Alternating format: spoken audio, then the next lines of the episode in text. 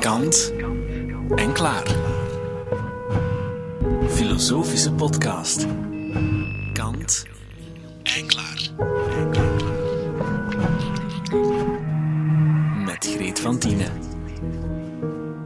Welkom in deze filosofische vertelmachine. Met deze keer de Nederlandse wetenschapsonderzoeker en filosoof Trudy de Hu. Ze schreef met De Depressie-epidemie een onverwachte kaskraker die al aan zijn tiende druk toe is. Daarin vraagt ze zich af hoe het komt dat zoveel van ons als depressief bestempeld worden, terwijl we dat misschien niet allemaal zijn. De ondertitel over de plicht het lot in eigen handen te nemen spreekt boekdelen. Het sluit ook aan bij het vak dat ze na haar emeritaat nog geeft aan de Universiteit van Amsterdam en dat geluk als plicht en prestatie heet.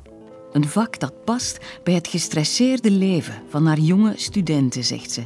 Wij hebben met z'n allen een samenleving ingericht waarin we elkaar verteld hebben dat je loser bent als je niet gelukkig bent.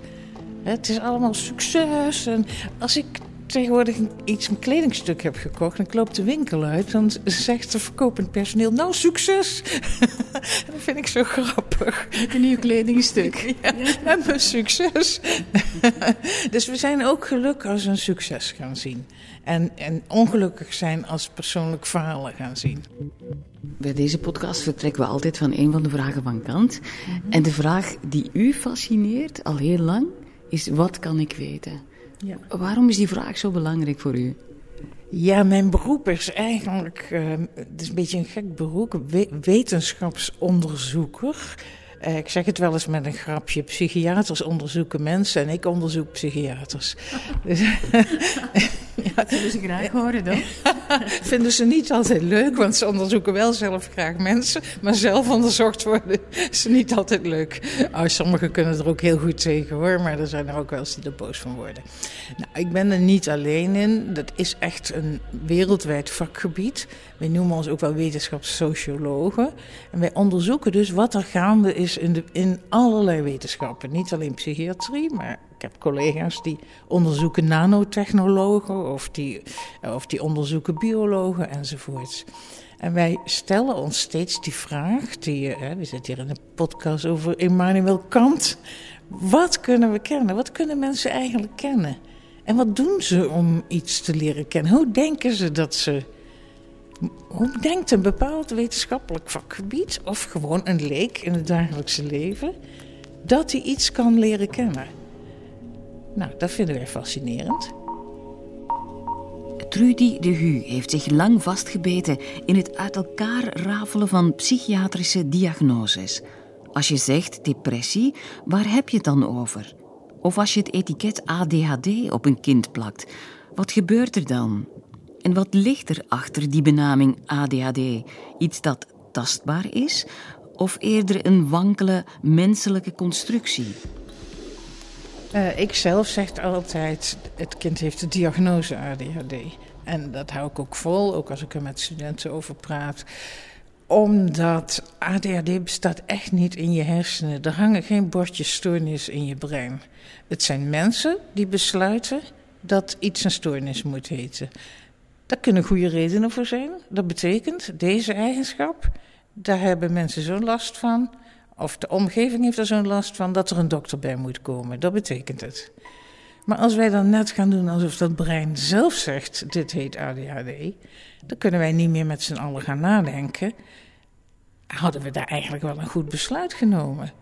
Was dat nou wel een goed besluit, ook om die definitie van ADHD, die is steeds breder geworden en breder en breder en breder. Dus alsmaar meer mensen gingen eronder vallen. En als je nou gaat denken dat de natuur zelf dat heeft besloten, kun je daar niet meer met z'n allen over nadenken of dit wel een goed idee was. Dus dan ga je ervan uit dat ADHD een soort uh, afgeronde stoornis is in iemands brein. Ja, dan ga je net doen of het een ding is. Ik heb vroeger in de kinderpsychiatrie gewerkt, in de jaren tachtig. En er werd wel eens een kindje binnengebracht met de diagnose autisme. En dan zag je ogenblikkelijk dat het kindje iets, dat moest wel iets neurologisch hebben. Die kinderen waren zo anders dan alle andere kinderen, zo in zichzelf gekeerd. Dus die hadden de diagnose autisme. Nu gebruikt men het woord autisme ook voor hoogopgeleide vrouwen die goed functioneren in een baan.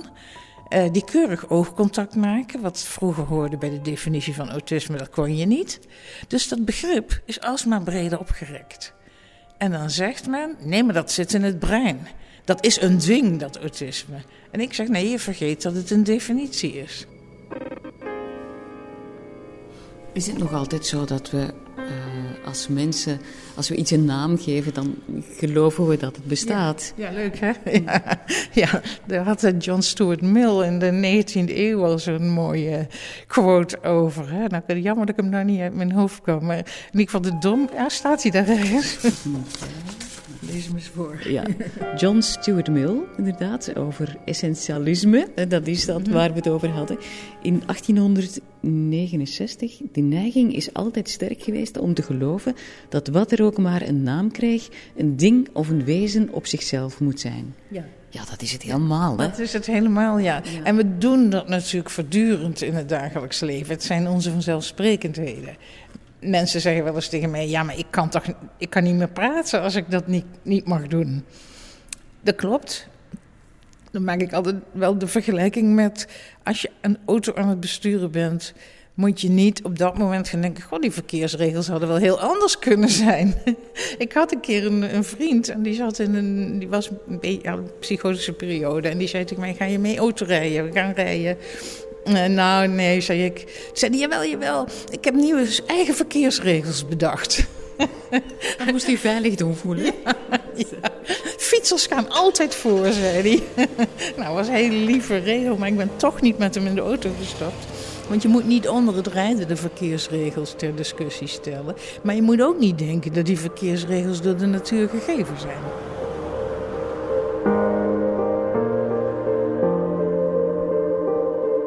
Nou, laat me even een voorbeeldje gebruiken. Als je zegt homoseksualiteit, ja, maar dat is biologisch. Dan zeg ik terug, vertel dat maar eens aan Poetin. Moet je kijken hoe homoseksuele mensen dan voor leven krijgen. Dan worden ze griezelig, want het zit er helemaal in gebakken. Dus, en ook in onze samenleving. Um, er is ook onderzoek naar gedaan.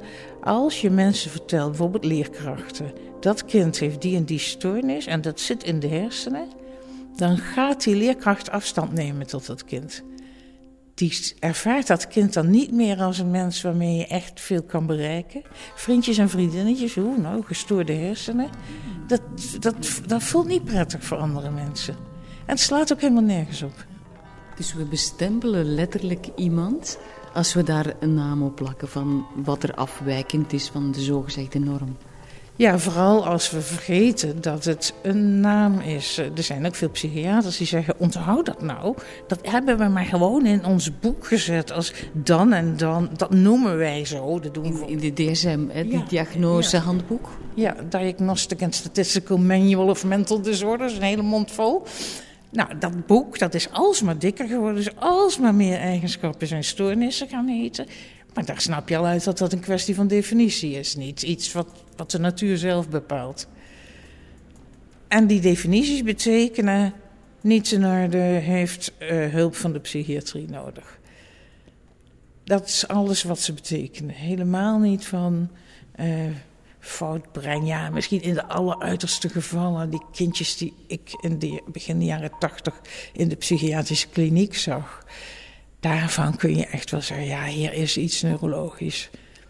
Maar er zijn zelfs mensen, experts, die mij daarin tegenspreken. Dus die zeggen van, ook in die gevallen moet je zo niet praten. Dat is ook wel interessant, want ik werkte in die uh, kinderpsychiatrische kliniek eind jaren 70 en begin jaren 80. Wij werkten zonder diagnose. Er waren geen diagnose. Alleen die ene, alleen autisme. En dat was dan echt, ja, dan zag je zo'n kindje dat de hele dag, bijvoorbeeld bij een wieltje van een step, de hele dag dat wieltje te draaien. En verder geen contact. Of een stukje papier in de handen, de hele dag op en neer. En van die kenmerkende woedeaanvallen. de ouders die met dit soort kindjes te maken hebben, dat, dat is heel zwaar om zo'n kindje op te voeden. En daar gebruikten we toen het woord autisme voor. Alle andere kinderen die we in de kliniek hadden, hadden geen diagnose. Geen. Die hadden een levensverhaal. Die hadden moeilijkheden. En de ouders hadden moeilijkheden met hun. En we probeerden die puzzel te leggen en dan het hele systeem te helpen. Hmm. En nu hebben we, in kind, eh, hebben we op schoolklassen... Ja, de helft van de kinderen heeft een diagnose. Raar, hè? Ja, want het kan toch niet zijn dat we plots zoveel gestoorder geworden zijn. Of dat er plots in ons brein allerlei rare rariteiten zijn ontstaan. Nee, nee, dat kan niet. Het is een culturele ontwikkeling. Hoe kan dat nou? Hoe hebben we nou met z'n allen die rare draai gemaakt dat we die definities zijn we tot oorzaak gaan maken? Het zijn definities en we hebben er oorzaken van gemaakt. Ja, mijn kind is druk, want hij heeft ADHD. Ja. ja.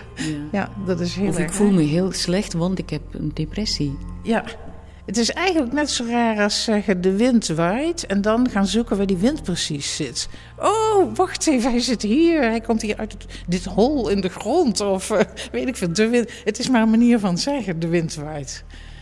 Waar komt dan die, uh, die behoefte vandaan? Dat, dat grote verlangen om alles een naam te geven en daardoor denken dat we de realiteit beheersen? Ja, daar, ben ik nu in mijn boek, nieuw boek mee bezig. Dat mensen oriënteren zich in de wereld door de dingen namen te geven. Wij in onze samenlevingen maken heel veel indelingen. En het boek wat ik aan het maken ben, dan wil ik laten zien, naarmate wij meer willen ingrijpen, meer grip op de wereld hebben, maken we meer indelingen, want dan kunnen we meer sturen. En dat zie je, ja, mijn oudere werk over die diagnose, dat is ook, dat is sturen. Dat is, ook daar zit een verschilletje, en dan pakken we dat aan en dan gaan we dat. Dat is niet goed, dat verschilletje is niet goed. dat moet naar normaal. Dus ja, daar gaan we met allerlei middelen aangrijpen en ingrijpen.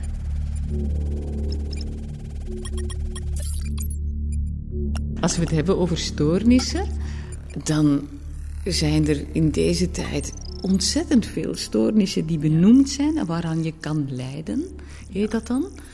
Maar van welke norm wijken we dan af? Wat is de norm dan van iemand die normaal is en niet gestoord? Wat is dat dan? Ja, laat mij een normaal mens zien. Die moet doodzaai zijn. maar ja, wat... of dood. of dood, ja.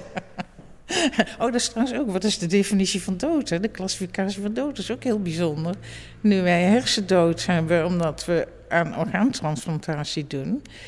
Ik heb onlangs het nieuwe Nederlandse protocol hersendood gelezen. Hoe moet een neuroloog vaststellen wanneer iemand echt dood, voldoende dood is voor orgaandonatie? Nou, dat is uitermate complex. Ik had diepe bewondering overigens voor de ontzettende zorgvuldigheid waarmee ze die klassificatie maken. En hoe moeilijk zij het zichzelf maken. Dat is echt niet gemakkelijk. Wanneer mag je een patiënt doodverklaren? Er zit een heel raderwerk van complexiteit verscholen in de dingen als we de moeite doen om naar binnen te kijken. Een woord voor iets is nooit zomaar tot stand gekomen. Achter elke indeling of benaming schuilt ook een oordeel of een wereldbeeld. Elders geeft de Hu het voorbeeld van de zogenaamde vluchtziekte of drapitomanie.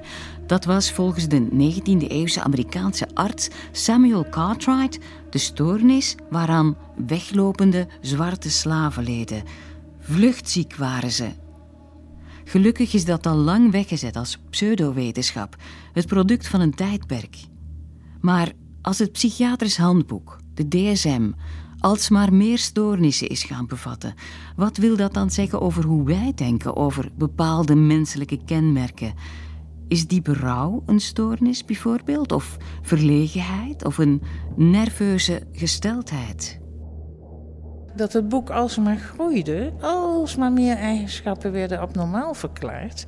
Ja, dat betekent dat we alsmaar meer eigenschappen niet accepteren. En voor veel mensen is het dan een opluchting van, oh, ik heb een stoornis. Maar eigenlijk betekent het dat we het niet accepteren hoe je bent. En dat er aangesleuteld moet worden. In sommige gevallen zal het zeker terecht zijn, maar niet in zoveel. En dan weer even weer maak ik nou een grote sprong in de tijd. Uh, ik ben nou onderzoek aan het doen naar hoe dat in de 18e en 19e eeuw ging. Um, als we dat onderscheiden. We kennen allemaal Linnaeus. Hè? Linnaeus die de, de natuur helemaal in kaart ging brengen.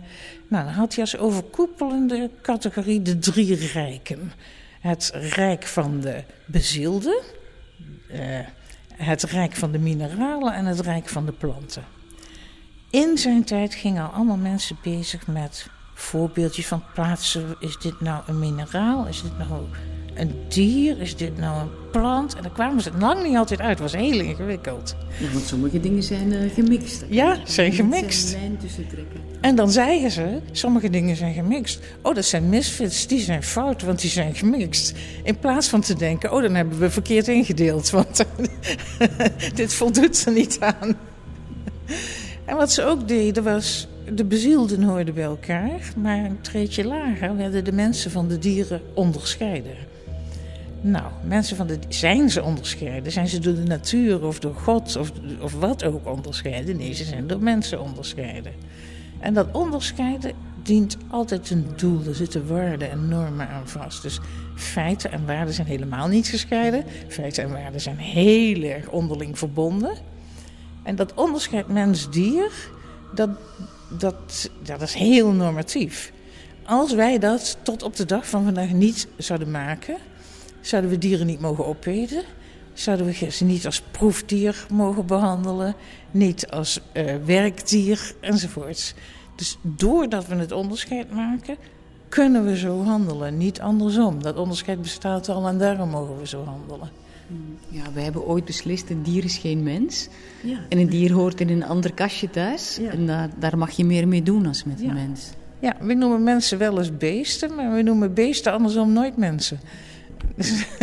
en dat, dat, dat, ja, dat dient absoluut eh, onze eigen doelen. En zo dient al onze indelen.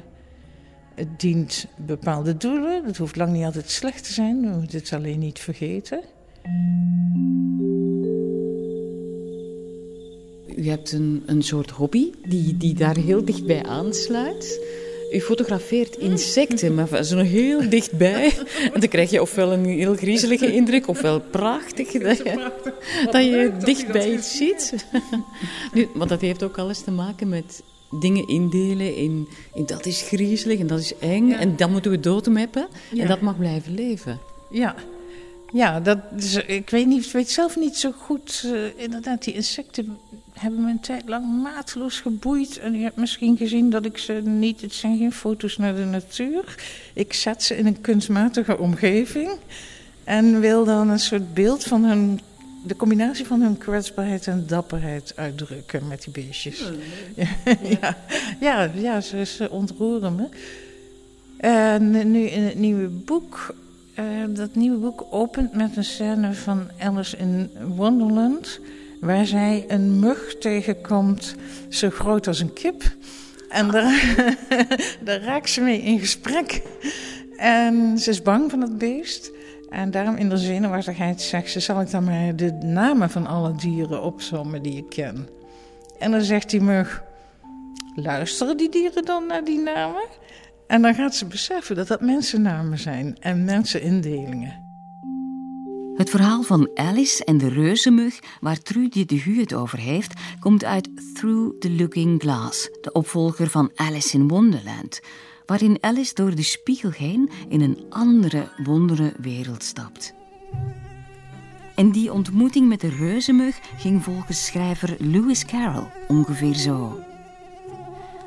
Het was zeker een heel grote mug, ongeveer zo groot als een kip, dacht Alice. Maar toch voelde ze zich niet onwennig nadat ze al zo lang gepraat hadden met elkaar. Dus je houdt niet van alle insecten? vroeg de mug stilletjes. I like them when they can talk. Ik houd van ze als ze kunnen praten, zei Alice. Waar ik vandaan kom, praat er geen enkele. What sort of insects do you rejoice in where you come from? Welke insecten vind je dan leuk waar jij vandaan komt? Ik vind insecten helemaal niet leuk, verklaarde Alice, omdat ik nogal bang van ze ben, tenminste van de grote soorten. maar ik kan je wel de naam van enkele insecten noemen. But I can tell you the names of some of them. Of course, they answer to their names. Natuurlijk reageren ze als je hen bij hun naam noemt, merkte de mug nonchalant op. Dat heb ik nog nooit meegemaakt, zei Alice. Maar waarom hebben ze dan een naam? Als ze er niet eens op kunnen reageren, zei de mug. What's the use of their having names if they won't answer to them? Voor hen heeft het geen nut, zei Alice.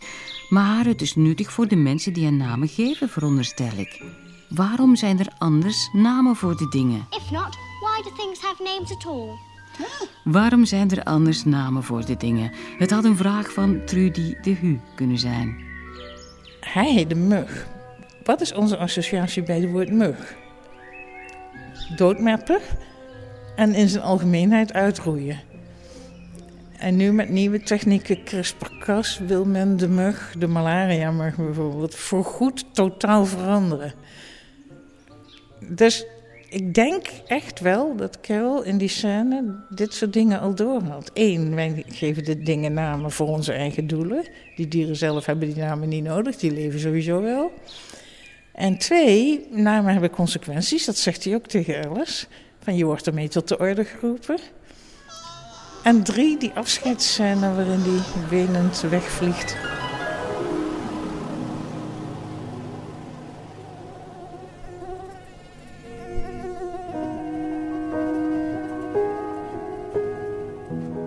Dit was de laatste aflevering van deze reeks van Kant en Klaar, waarin filosoof Trudy de Hu ons aanmaant als Alice door de spiegel van een benaming of diagnose te durven kijken naar wat erachter ligt. En ons niet te laten misleiden door zogezegd natuurlijke indelingen en categorieën, want die dragen elk hun eigen waarden en oordelen met zich mee. En maken we niet liever gebruik van onze vrijheid om na te denken? De deur van kant en klaar blijft op een kier voor denkers en schrijvers die we een volgende keer zullen verwelkomen. Heel graag, tot dan. U luisterde naar Kant en Klaar. Een productie van Clara. Kant en Klaar. U kunt alle afleveringen herbeluisteren via clara.be of via een abonnement op de podcast. Reageren kan via kant.clara.be.